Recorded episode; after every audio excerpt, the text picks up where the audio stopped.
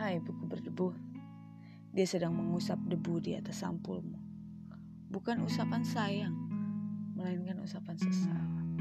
Kamu pasti tahu sesal yang dia maksud. Tapi percuma. Kamu sudah bahagia di sana. Kamu tahu kenapa dia kembali menggenggam buku berdebumu? Dia ingin kembali mengadu, walau hanya sampai pada debu sampulmu. Seorang mirip denganmu tiba saja hadir dalam hidupnya. Sabarnya, lucunya, riangnya, semua mirip denganmu dan dia bahagia. Tapi sayangnya, seperti biasa, semua kalah denganmu.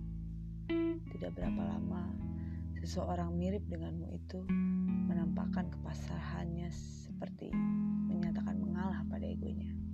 Kamu kenal bukan egonya? Sahabatmu dulu yang menjadi lawan debatmu dan dia yang selalu berpihak pada egonya sehingga kamu mengalah. Itu saja Sunshine.